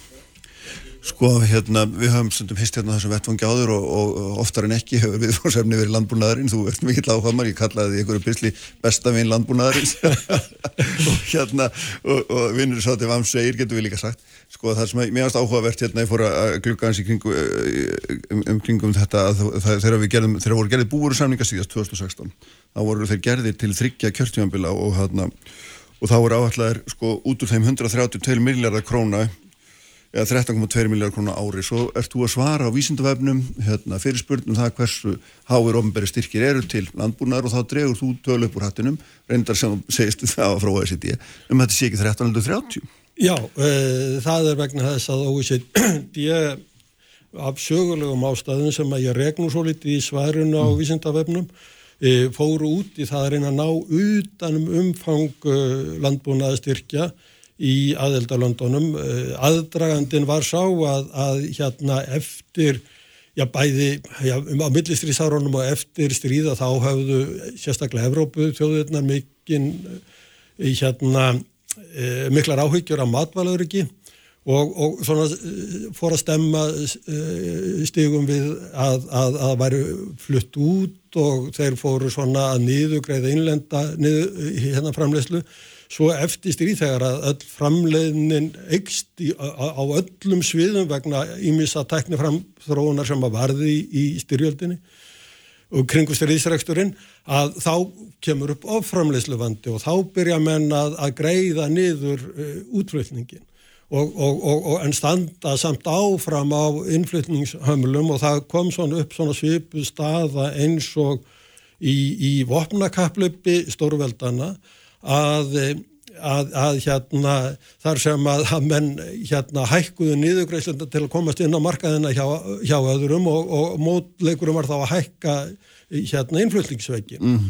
og, og, og hérna og leggja á herri totla og þessu fylgdi þá stigvaksandi uh, aukning á útgjöldum ríkisjóða til þessa málefnis þannig að OECD og ráðandi menn þar sjá að, að svona getur þetta ekki gengið og, og, og, og fara að semja sig inn á það að, að breyta þessu en byrja á því að búa til verkværi til þess að meta heldar umfang styrkjana mm -hmm. og þá er náttúrulega aldrei stórt atrið í, í þeirri vegferð að ná utanum heldar umfangstyrkjana þannig að það sé ekki hægt með einhvern bókaldstyrkum sem að stjórnmálamenn sem að koma nálagt, að komist nálagt ríkisbókaldi á þessu tíma voru ákaflega flinkir við að gera. Og ég kynntist í mér sér sjálfur svolítið meðan ég starfaði í fjármálaráðunitinu að þá er reynd að, að búa til kerfi sem að nær svona utanum þetta eiginlega allt saman. Og, og það, er, hef, það hérna, hefur uh, OECD þróað og þroskað og, og, og rekið að býstna miklum myndarskap síðan og, uh, og hérna og uh, hafa sapna þessum, þessum tölum og eru með þennan, þennan gagnagrun og þar er reynd að meta ekki bara hvað gengur beint út úr, út úr fjárlegunum og út úr samningum eins og þú mm. búur samningum heldur líka reynd að ná utan að byttu nú við e, ef við setjum á innflutningssamlur hvaða e, hérna ávinning hafa þá framleiðendurnir bændur í þessu samhengi af þeim hömlum og það er þróguð aðferðafræði til þess að meta það og þá kemur í ljós að umfang þessara styrkja er meiri og þessara óbeinu styrkja þá er meira heldur en beinu styrkjana. Þetta er ekki, þetta er ekki peningar í þeim skilningi heldur er þetta útreiknaða stærðir Þetta eru útreiknaða stærðir en Já. þetta eru, pen, er, eru raunverulegu peningar sem að ég og þú borgum þegar við löpum út í búð og kaupum hérna mjölk Já, það er þannig sem það birtist. Það er þannig sem það byrtist Já. og svo byrtist það reyndar í, í hlutum sem að ekki eru teknir inn í þessu uh, eðlilega til dæmis það að, að hérna ef við kaupum uh, hérna mozzarella hér á, hér á landi þá er hann og kúamjölk en ekki buffalóamjölk -hmm. Og hérna ég ætla ekki að lýsa mununum á bragðinu en, en, en hann er umtalsverður. E, og, og hérna við, við erum svift þessum möguleika e, hérna af fjárhagslegum ástæðum til þess að nýta okkur e, og, og njóta e, góðrar vöru sem að aðrir en íslenskir bændur framleiða af vissum, vissum vörutegundum. En þannig að það stendur eftir að þessi tala úr búursamlingum er rétt 13,2 miljardar en síðan er þessi stærð sem OECD reiknar út Já. að hún er ríflega það einhverju 16 til Já, já, já, já, já það, það, er, það er viðbútt við þess að já, þetta. já, já, ég segi það, þannig að þetta nær, nær samanlega 30 Já.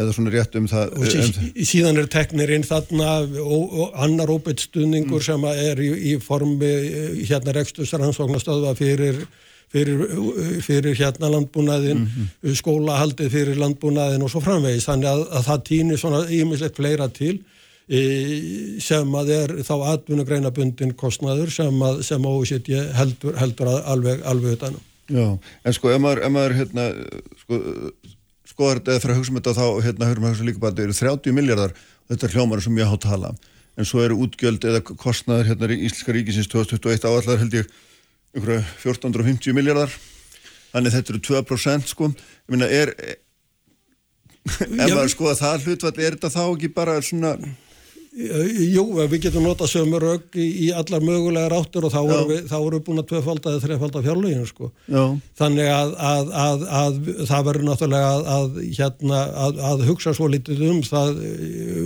hvaða, hvaða árangur er þessi, út, er, hvaða árangur er þessi útgjöld að skila já, og ef að við gerum það að þá sjáum við annars vega fyrir okkur sko hérna útsvelt uh, helbriðiskerfi við sjáum fyrir okkur að félagsstjónustan er, er, er, er víða þannig að, að hérna við eigum järfileikum með að, að, að, finna öldruðum aðstandendum okkar uh, pláss í, í, í, í vistunakerfi hins ofinbera sem að uh, fólk sem er búið að byggja upp þetta þjóðfélag og, og, og fær ekki að heiða æfikvöldunum meðlegum hætti.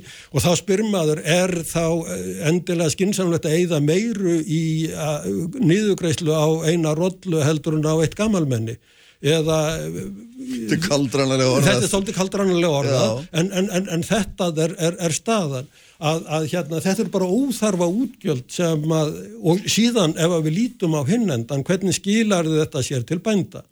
Og ég hef kíkt svo lítið á, á það. Og, og sko ef við lítum bara til stöðunar hjá, hjá, hjá bændum að, að, að þá eru hérna meðalaunin sem þeir eru með allavega samkvæmt skattaskýslum fyrir landbúnaðastörf mjög lág Já.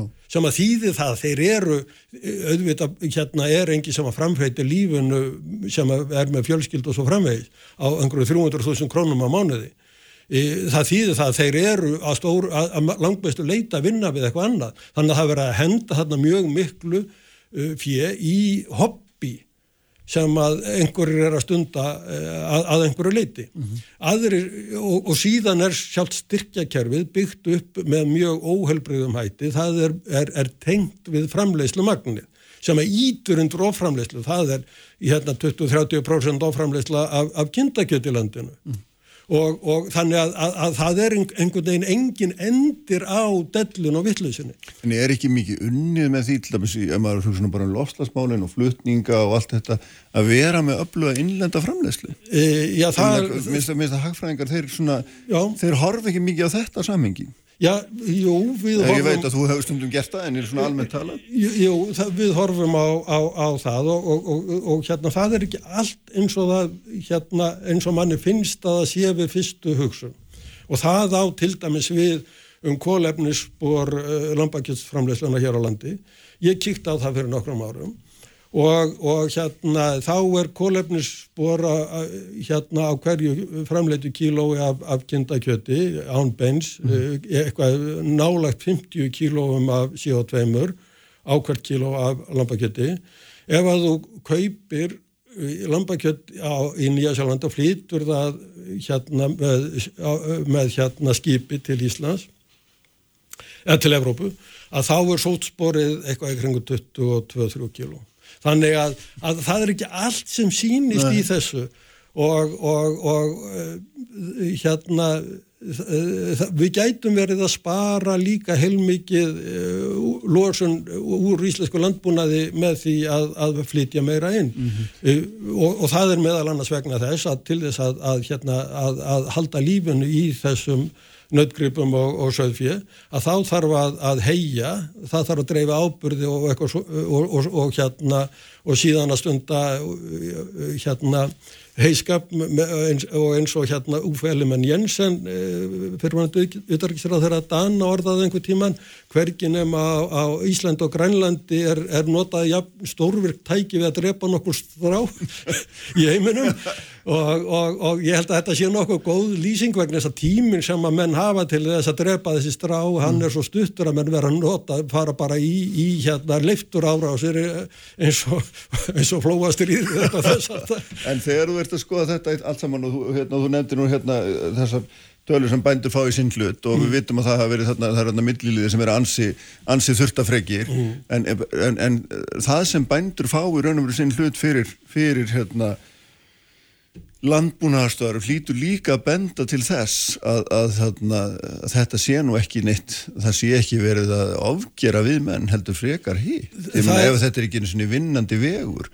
Eh, Já, sko fyrirkomulag styrkjana er þannig að það virðist vera, vera hérna koma, koma út með þessum hætti. Það er náttúrulega mjög við að er lítil eh, framleiðni en, en síðan eru styrkirnir bundnir við framleiðslu magnið og, og, og hérna og, og svo er þeim dreift mjög við að það er reynd að koma í veg fyrir samþjöppun e, sérstaklega í, í sögfjörræktin þar sem að launin eru hvað lægst, mm. lægst. E, styrkirni koma hérna betur útgagvart hérna mjölkuframleiðslunni þar er verið að henda 40-50 miljónum í einstök brú, bú á ári E, og þar er vantarlega ágætis, ágætis laun í, í, í bóði sumt að þeim búum er reygin bara sem hrein fyrirtæki. Mm. e, en, en, en, en sko ég held að, að það sem er, er kannski það sem, að, sem að er vandin í þessu öllu saman það er, daldum mikið af þessum hobbybúskap sem að menn er með tilturlega lítil lítil bú og, og er að vinna einhver starf annar staðar. Út mm. og þessu kemur lítil framleginni oh og, og, og, og síðan er náttúrulega þetta að, að það er verið að framleiða miklu meira heldur um markaður en tegur við og það er bara hrein sóun að gera það. En er, er, hvernig nættu þetta lítið út? Er þessi 30 miljórar þetta eru ofrausna þínum aðeins greinilega og hérna þetta nýta fíð skinsanlega og miklu betur en samt sem áður verður til ég að segja eða hvað að kjörbænda gætu verið já, já, betri? Sko, það er spurning hvort að á endilega binda, sko, það sem að menn hafa í huga. Það er ekki að, að, að það séu eh, hérna einhver flokkur á rollum sem að gangi upp á hálendinu og, og hérna einhverju sem að fari skemmtifæri til að sækja þær á haustin. Þa, það er ekki markmið.